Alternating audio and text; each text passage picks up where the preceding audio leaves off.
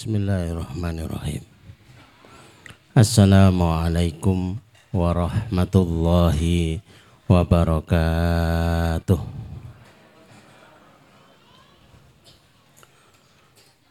Alhamdulillahi rabbil alamin. Wassalatu wassalamu ala ashrafil anbiya'i wal mursalin wa ala alihi wa ashabihi wa man tabi'ahum bi ihsanin ila yaumiddin Asyhadu an la ilaha illallah wahdahu la syarikalah wa asyhadu anna Muhammadan abduhu wa nabiyuhu wa rasuluh la nabiyya wa la rasula ba'da Allahumma syrah sudurana wa tazawwas an sayyiatina wahab lana fahmal anbiya wal mursalin. Wahab lana fahmas salafus salih. Allahumma anfa'na bima alamtana wa alimna ma yanfa'una wa zidna ilman. Wa na'udhu billahi min ahwali ahli nar. Allahumma la sahla ila ma ja'altahu sahla wa anta taj'alul hazna idha syi'ta sahla. Rabbi syrah li sadari wa yassir li amri wa hlul 'uqdatam min lisani yafqahu qawli. Rabbi zidna ilma. Subhanaka la ilma lana illa ma 'allamtana. Innaka antal alimul hakim. Rabbana atina min ladunka rahmah wa hayyi lana min amrina rasada. Amma ba'd Bapak Ibu yang semoga dirahmati Allah. Semoga dicintai oleh Allah, semoga diridhoi oleh Allah Subhanahu wa taala. Alhamdulillah pagi hari ini kita disehatkan oleh Allah, dimampukan dan dihadirkan, dipertemukan bersama dengan orang-orang saleh suhbatus salihin bersahabat dengan orang-orang saleh. Harapan terbesarnya pertemuan orang-orang soleh itu memberikan syafaat kelak. Diingat itu syafaat. Sehingga menyampaikan di hadapan Allah ya Allah saya dulu punya sahabat derek ngaos ngenderek nyoto. Ya ikut kepanasan. Ngenderek ngarap-ngarap sembako tapi telas. Niki kok mboten wonten mana? Mosok? Iya akhirnya dihadirkan semuanya. Memang berbeda dengan hari Jumat. Sengajanya begitu sambil menunggu kesiapan tempat diharapkan hari Ahad, hari Minggu adalah hari keluarga yang Bapak, Ibu, putranya silahkan hadir untuk bareng-bareng tambah ilmunya tapi juga tambah sarapannya. Seiring banyaknya yang rawuh insya Allah sotonya semakin banyak. Nasi bungkusnya semakin banyak, sembakonya semakin banyak sudah kami sampaikan ke panitia, selanjutnya kami ingin yang hadir itu dikasih door prize. Nggak usah neko-neko pulang bawa daging ayam satu kilo, telur satu kilo. Ini kan seneng. Dulu kami itu kayaknya hanya biasa gitu membuat pengajian begitu. Jadi pengajian itu yang bahagia bukan hanya ilmunya, yang bahagia juga didapatkan bukan barokahnya tapi juga berkatnya. Ternyata yang datang itu berapa desa berduyun-duyun. Saya tanya ibu-ibu, kenapa hadir di pengajian? Apakah ini karena hidayah? Boten, anak door prize-nya. Ada telur, ada daging ayam, ada tempe, ada kerupuk, ada Masya Allah. kok seneng rasanya itu membahagiakan orang baik, bahagia dengan ilmu ataupun bahagia dengan kesempatan dan barokah itu didapatkan semuanya. Bukan barokah karena yang mendengarkan ilmu, tapi barokah kehadiran pun dapat insya Allah. Mudah-mudahan Bapak Ibu mboten kapok, tapi malah semangat. Maka begitu datang kami sudah minta yang datang jangan langsung suruh duduk. Suruh makan soto saja. Nah, habis itu nyari tempat sendiri. Saya sudah pengalaman kalau langsung duduk baru nyoto nanti terus ngersulo itu. Rantang mulai-mulai tausiah dawa lapar ketoke disiapke soto rapi rakon mangan-mangan. Nah, itu kan jadi rame gitu ya. Jadi datang makan, kalau sudah sarapan baru kemudian hadir di tempat majelis-majelis begitu ya. Karena bagaimanapun itu logistik Bapak Ibu. Dan logistik itu mempengaruhi logika. Jadi kalau logistiknya belum dapat itu belum pinter. Kok mboten paham-paham? Lah ngelah. Tapi kalau sudah dapat sarapan insya Allah pinter. Pinter insya Allah. Bapak Ibu, kita membahas pengajian kalau hari Ahad memang bahasanya seringnya keluarga. Harapannya kita menjadi keluarga-keluarga sakinah, keluarga-keluarga yang ada mawadahnya, juga keluarga-keluarga yang ada rahmahnya. Keluarga dunia dan keluarga sampai di surganya Allah insya Allah. Karena Allah menjanjikan walladzina amanu mereka-mereka yang beriman hum biimanin diikuti anak cucu cicit terus yang tersambung itu imannya bukan semata nasabnya bapak iman putranya iman cucunya juga beriman cicitnya juga beriman. Al-haq Nabi. Kami akan susulkan. Diangkat tinggi-tinggi. Ada benderanya Bani. Bapaknya Paimin, Bani Paimin. Bapaknya Ahmad Bani Ahmad. Dicek cucu kita ikut semua enggak? Sudah, beres. Wong dulu sering saya ajak ikut pengajian. Sehingga ditanya ada registrasinya enggak? Wonten.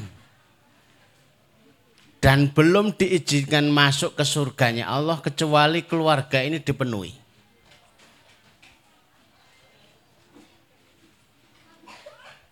Surga yang diperuntukkan bagi keluarga itu surga Aden. Silakan dilihat surat Ar-Rah apa itu surat apa ya? Wa ibadur rahman itu. Furqan ya. Nanti akan ketemu, oh ternyata beda. Surganya pun pilihannya beda yang disiapkan di surga Aden itu bukan tempat semata luas enggak, tapi sudah ada seket-seketnya, ghurafa.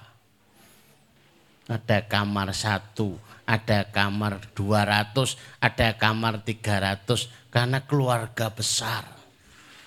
Begitu masuk dikasih kunci panjenengan kamar nomor satu juta dua ratus sekian. Berarti luas sekali. Ya. Bapak Ibu yang dirahmati Allah, di samping kita menjadi keluarga yang suka sholat, sudah dibahas. Menjadi keluarga yang suka bersedekah, sudah dibahas. Selanjutnya menjadi keluarga yang ahli Quran. Sehingga statusnya adalah keluarga yang istimewa. Karena diumumkan kepada kita semua oleh Rasulullah Shallallahu Alaihi Wasallam, Innalillahi ahlin. Allah itu punya keluarga di dunia. Istimewa banget itu. Keluarganya presiden saja sudah istimewa. Keluarganya Pak Bupati itu ya istimewa. Ini kok ada keluarganya Allah di buminya. Ahlu Quran huwa ahlullah. Ahli Quran, keluarga Quran itu hakikatnya meregistrasikan diri sebagai keluarga Allah. Wahasatuh dan meregistrasikan sebagai keluarga-keluarga yang istimewa. Siapa yang ingin keluarganya menjadi keluarga yang istimewa, jadikan Al-Quran itu sebagai sebuah pegangan.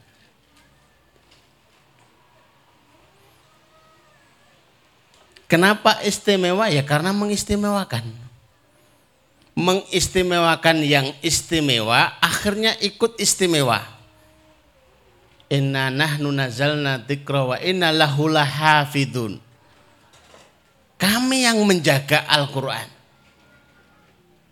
Biasanya sampai di sini titik ternyata itu kalau diteruskan dan akan menjaga siapa saja yang menjaga Al-Quran.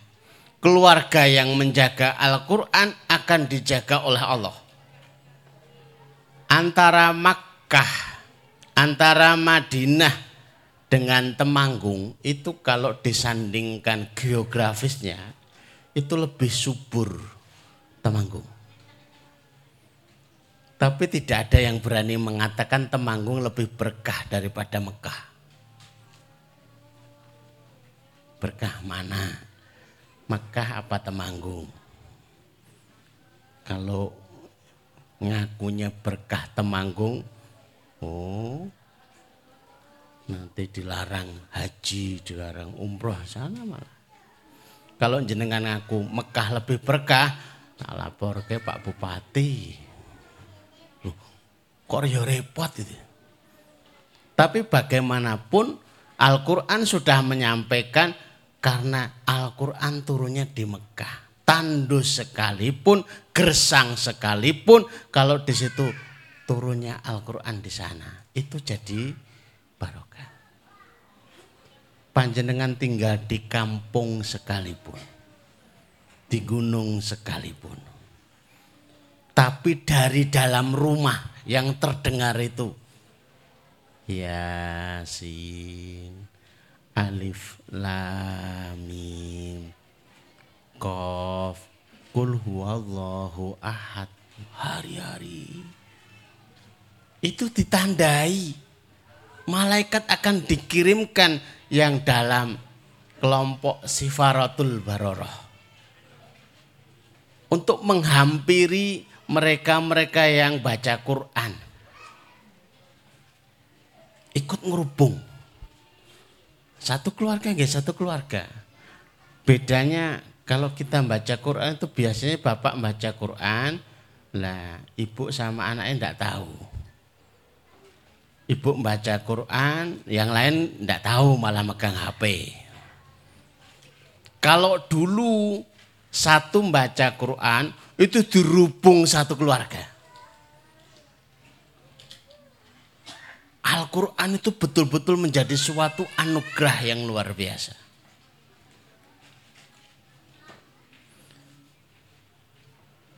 Karena Al-Quran maka dijaga. Dan keluarga yang bersama Al-Quran, keluarga yang dijaga. Ya karena menjaga tidak ada yang awet di dunia itu melebihi Quran. Maka para ulama itu sepakat tidak tidak akan menjadi tua, tidak akan menjadi berkurang mereka yang bersama Quran karena Al-Qur'annya awet. Di hari Jumat itu saya cerita, saya ketemu Mbah-mbah itu usia 96. Sehat. Masih buka Quran. Ternyata rahasianya baca Quran. Kakak saya punya bapak mertua usianya 100 lebih.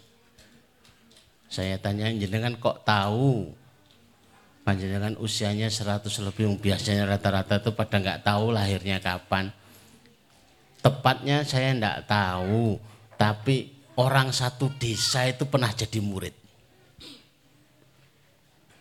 Dan itu rahasianya apa? Rahasianya saya suka minum air putih sama suka baca dari kanan. Jadi kalau jenengan baca dari kanan jenengan mikir juga tahu sama. Apa aku tak mau coba bahasa Indonesia soko kanan malah ora kewaca. Ternyata baca dari kanan itu istilah baca Quran. Yang baca dari kanan ya Quran itu saja. Membaca iklan dari kanan malah nggak kebaca. Kalau kita bersama Quran, banyak yang akan singgah di keluarga ini dengan keajaiban karena Al-Quran itu sumber keajaiban. Oh yang diceritakan, yang dimuat ya sesuatu yang ajaib-ajaib. Siapa yang ingin dalam hidupnya dipenuhi dengan keajaiban maka bersamalah Quran. Menjadi ahli Quran itu paling tidak membaca. Umpama belum membaca ya senang kalau dengar. Antara dengar dangdut sama Quran senang mana Bapak Ibu? Quran dibuka 10 menit ngantuk. Ngapa? Ditutup sehat lagi. Tapi kalau dengerin dangdut itu setengah jam kok kuat. Nah, itu ada masalah itu. Jangan-jangan sudah ada yang mengganggunya. Terus berusaha pengen tahu. Nopo to kok la khala wala quwata illa billah itu kok hebat banget itu nopo to? La ilaha illallah niku kok hebat banget itu kenapa? Ternyata ada penjelasannya. Terus mulai ngamalkan Al-Qur'an. Menjadikan dirinya adalah Al-Qur'an yang berjalan. Dikit-dikit baca Quran. Karena senang suratul Fatihah mau ke mana-mana Al-Fatihah. Mau keluar rumah Al-Fatihah. Dikit-dikit Al-Fatihah. Aku mau berdoa Al-Fatihah dulu. Aku selesai berdoa Al-Fatihah dulu. Karena senang dengan Qurannya. Nah ini yang pertama. Cara senang itu tidak serta-merta tiba-tiba muncul maka yang pertama perlu dipancing yaitu dengan surat-surat pendek.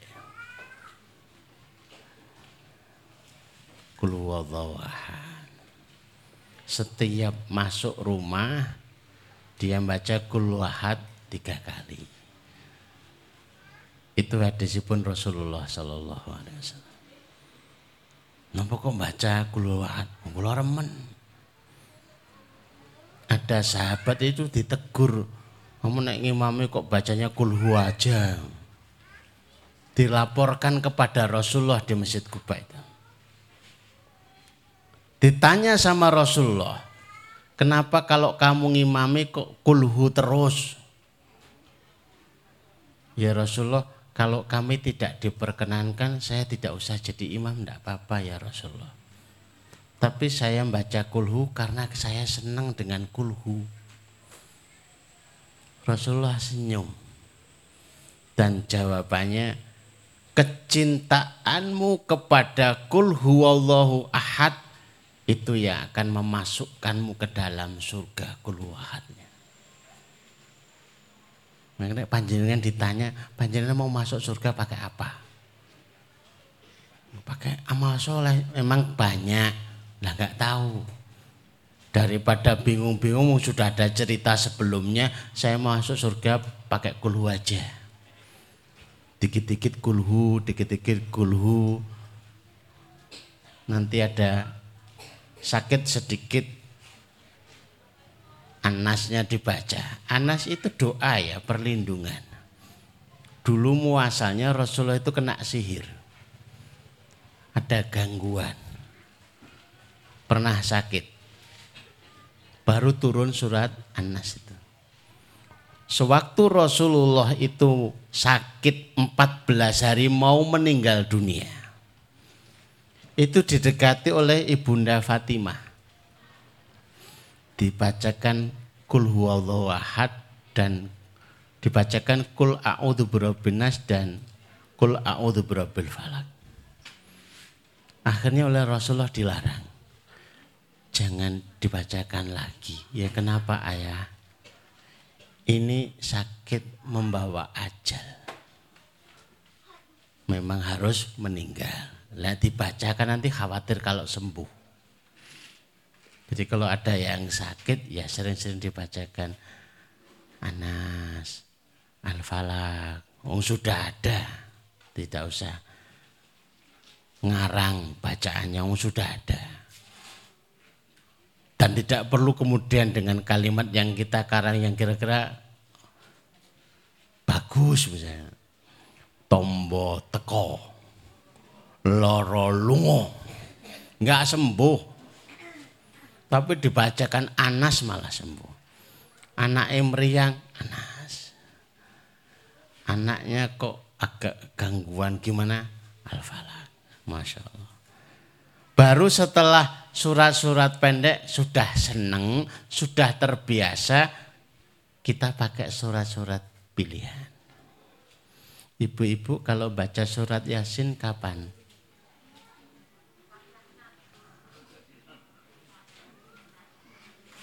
Malam Jumat. Kalau membaca surat Tabarok kapan? Ba'da Isa. Hadisipun siapa yang membaca tabarakalladzi biyadihil mulk habis Isa. Surat ini akan menjaganya, memastikan husnul khotimah, memastikan untuk tidak diadab kubur, memastikan dia wajib masuk surga. Dulu saya kebingungan ketika ditanya, nanti ini husnul khotimah napa mboten? Lah keduka mau tonton informasi, mau tonton bocoran, malaikat yang mboten paring kabar. Nah, sekarang kami tahu Bapak ini biasa membaca tabarok napa mboten? Mesti rutin itu Gus Khotimah. Lah kok kita tahu, lah jaminannya hadisnya itu kok. Membaca tabarok itu tidak mudah. Nek ditelaten ke susah juga itu. Panjenengan baca surat Al-Waqiah kapan? Pilihan juga loh ya. Al-Waqiah itu habis Isya. Lu katanya habis asar, habis asar ya ada. Habis Isya juga ada. Yang enggak ada itu yang enggak baca dua-duanya ini. Habis asar nggih habis Isya nggih berarti enggak ada. Itu masalah baca surat Ar-Rahman. Saya kok suka. Saya sukanya surat Al-Kahfi hari Jumat. Saya. Kalau Al-Kahfi utuh nggak lengkap, paling tidak 1 sampai 10. Agar terlafatkan doanya Ashabul Kahfi. Ayat yang ke-10 apa yang ke-9 itu ya. Ashabul Kahfi itu juaranya memegang hidayah. Hidup 309 tahun tidak pernah salah. Sebab doanya. Robana atina min ladunka rahmah wa lana min amrina rosada. Ya Allah berikan kami tidak pernah salah. Selalu dalam bingkai hidayah. Ternyata harus menjalani kehidupan 309 tahun. Tidak pernah salah. Lawang tidur. Jenengan ya boleh mengikuti gitu. kalau bisa. Timbang salah-salah aku tak turu wae padha ashabul kahfi. Nah, ajeng berapa hari Bapak kita mau tidur 309 tahun Wah, susah. Belum sempat tidur jenengan dikuburkan malah dulu. Mungkin orang obah-obah. Baru kemudian tadarus. Buatlah hati itu senang. Ini pertemuan saya entah berapa kali saya harus cerita ada mbah-mbah usianya 70 tahun. Sukanya itu darus surat Al-Kahfi dan berusaha dihafal. Saya sampaikan mbah buatan sah repot. Kenapa enggak dibaca saja, kenapa harus dihafal? Ngeten Ustaz, ada sebuah pesawat itu jatuh. Jatuhnya di laut. Semua awak pesawat meninggal. Kecuali satu. Satu itu hafal surat Al-Kahfi. Sejak itu kami berusaha menghafal surat Al-Kahfi. dengan hafal, gimbotan. Sementing kan saya menghafal. Saya akhirnya ketemu metode yang luar biasa, metode yang paling apa ini rekomendasi banget bagi Bapak Ibu menghafal yang mudah itu adalah menghafal untuk tidak hafal. Yang penting menghafal. Kita kan sering direpotkan itu loh. Dengan ngafal Yasin apa mboten? Menghafal, pun hafal, nggih dereng. Lah pinten tahun? Pung sedasa tahun diapal ke apal-apal. Lah kok mboten hafal? Lah ben ngafal niku kalengan terasi, kalengan wah. Berarti itu luar biasa. Kalau ditanya malaikat kan enak. Apa amalanmu? Menghafal Quran. Hafal enggak? Enggak. Jadi bukan hasilnya nanti ditanya itu jenengan hafal Quran enggak, tapi ditanya menghafal Quran. Kan istimewa, ini ibu penghafal Quran. Hafal apa? Mboten. Ini juga bapak penghafal Quran. Hafal apa mboten? Nggih mboten. Lu ada bapak-bapak usianya 50 berapa gitu loh. Ikut kuantum tahfid, karantina tahfid. Yang lain hafal, anak-anak itu 5 juz, 7 juz. Ini hafal cuma satu juz. Sebulan loh.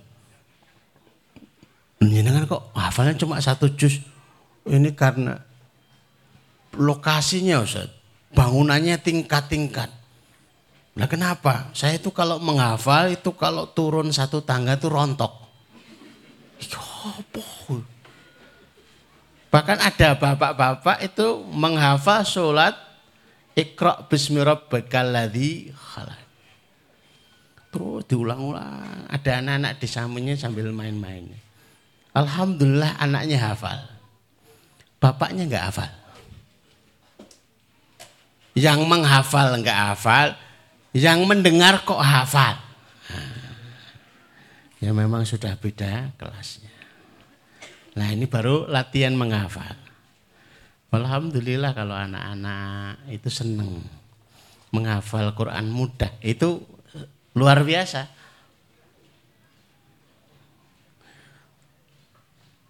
Tapi ternyata ada triknya. Saya ngasih itu kepada dokter spesialis anak. Karena bertanya bagaimana biar bisa menghafal anak-anak kami Ustaz. Gampang itu dok. Pokoknya hafal satu ayat dikasih uang lima ribu. Dipraktekkan Pak. Terus kemudian lapor saya. Gimana dok? Masya Allah Pak. Hasilnya luar biasa. Gimana? Tekor. Oh satu ayat satu seribu saja itu tekor. Anak-anak itu semangat banget. Karena yang dilihat bukan berapa banyak hafalannya tapi seribu. Aku tak ngapa sepuluh ayat ah sepuluh ribu. Dua puluh ayat dua puluh ribu bagaimanapun ternyata motivasi ini luar biasa. Loh ini masa menghafal Quran bukan untuk pahala malah dapat uang. Awalnya uang. Tapi lama-lama, Allah. Keponakan-keponakan kami itu kalau menyemangati hafal Quran kok nggak hafal-hafal, langsung saja dipanggil. Kamu kalau hafal Quran, kamu kami naikkan pesawat. Langsung hafal. Semangat itu. Tapi ya itu milihnya malah pas lebaran. Mahal. Paling tidak membaca. Mau yang pendek-pendek, mau yang pilihan, monggo silahkan. Mau yang tadarus, sehari satu juz, sehari dua juz, sehari tiga juz, sehari lima juz. Masya Allah. Itu sudah luar biasa. Keduanya mulai dipraktekkan. Niki prakteknya Al-Fatihah terus pundi. Ya kalau sakit ya bacakan Al-Fatihah. Wah jangankan kok meriang. Dipatok ular saja itu obatnya Al-Fatihah. Al-Fatihah itu rukyah, obat. Beberapa tahun yang lalu saya menguji. Ada kesempatan menguji kentup tawon tawon das nih. Saya tidak akan kasih obat apa-apa, mau tak kasih obatnya Al-Fatihah. Saya bacakan sekali Al-Fatihah, saya tipkan di tempat yang di sengat lebah itu. Alhamdulillah Bapak Ibu, orang mari. Tak ulang dua kali. Masih sakit. Tiga kali, masih sakit Pokoknya tak ulang berapapun sampai hilang sakitnya. Sampai pengulangan yang ke-11 kali. Alhamdulillah, bengkaknya masih, tapi sakitnya sudah enggak ada. Dengan ya ada keluhan-keluhan, ya mari kita belajar bareng-bareng begitu. Saya itu wali nunu, oh tak baca Al-Fatihah. Lah ping piro? Sak ini. Lah nek ping 100 ben. Beberapa waktu itu disengat lebah lagi itu nggak sampai sebelas kali. Tiga kali sudah sembuh. Ibu-ibu yang mau melahirkan itu sejak dulu sudah ada hadisnya. Dibacakan al-fatihah ditiupkan di air diminumkan dioleskan di perutnya. Diberikan kemudahan. Siapa yang akan membuktikan kalau bukan kita-kita. Yang nggak ngerti, yang nggak ngaji, buktikan apa? Wong nggak ngerti. Kita yang sudah ngaji, sudah membuktikan, yuk kita buktikan. Aku harus jajal Al-Fatihah. Aku harus jajal kul Saya mau mencoba kul a'udhu birabinas. Saya mau mencoba kul a'udhu birabbil Luar biasa. Ternyata sudah selesai. Saya mau lanjutkan lagi tapi sudah ada tulisan Alhamdulillah itu tandanya selesai. Jadi kayak apa pun kalau sudah ditulisi Alhamdulillah ya selesai. Mau terus menyampaikan materi kan ya diprotes tuh bu. Loh udah Alhamdulillah kok terus. Alhamdulillah itu selesai. Sarapannya juga sudah selesai tinggal menutupnya ini dengan berdoa. Mudah-mudahan keluarga panjenengan diberkahi oleh Allah. Harta-harta panjenengan diberkahi oleh Allah. Usaha-usaha panjenengan diberkahi oleh Allah. Waktu dan usia panjenengan diberkahi oleh Allah SWT monggo. Sarang-sarang Bapak Ibu kita memohon kepada Allah di waktu yang baik majelis ilmu itu waktu untuk berdoa mustajab setelah Bismillahirrahmanirrahim. Allahumma salli ala Muhammad wa ala ali Muhammad kama sallaita ala Ibrahim wa ala ali Ibrahim innaka Hamidum Majid. Allahumma barik ala Muhammad wa ala ali Muhammad kama barakta ala Ibrahim wa ala ali Ibrahim fil alamin innaka Hamidum Majid. Walhamdulillahi rabbil alamin. Bismillahirrahmanirrahim.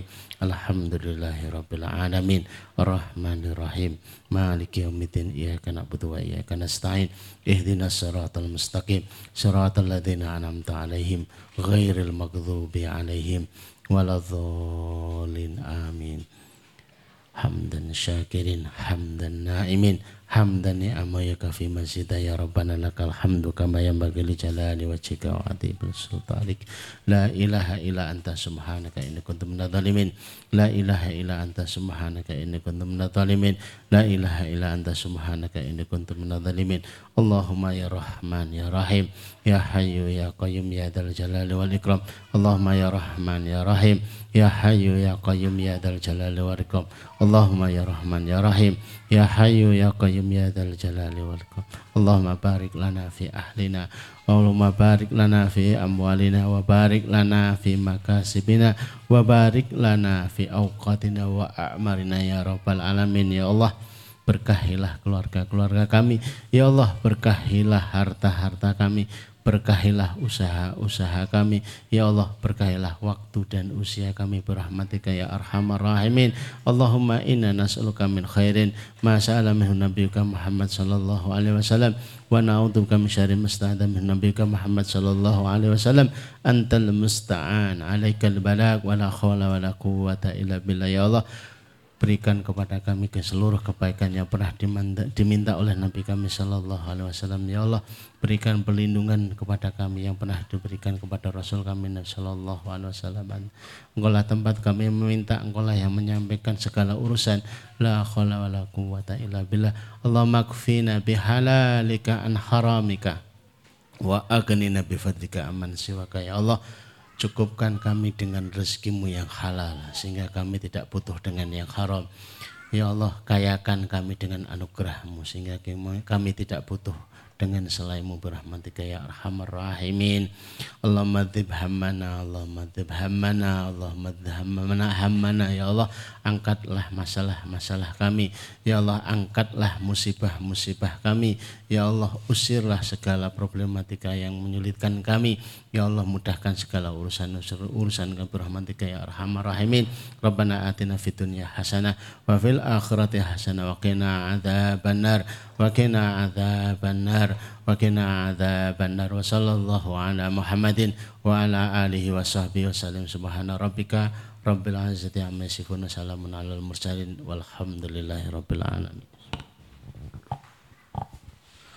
Aku qouli hadza nastaghfirullah li wa lakum. Wa nafa'ana bima ta'alana fi hadza sabah. Warzuqna fahman wa amalan bima nata'alam. Subhanakallahumma rabbana wa bihamdika asyhadu an la ilaha illa anta astaghfiruka wa atubu ilaik. Assalamualaikum warahmatullahi wabarakatuh.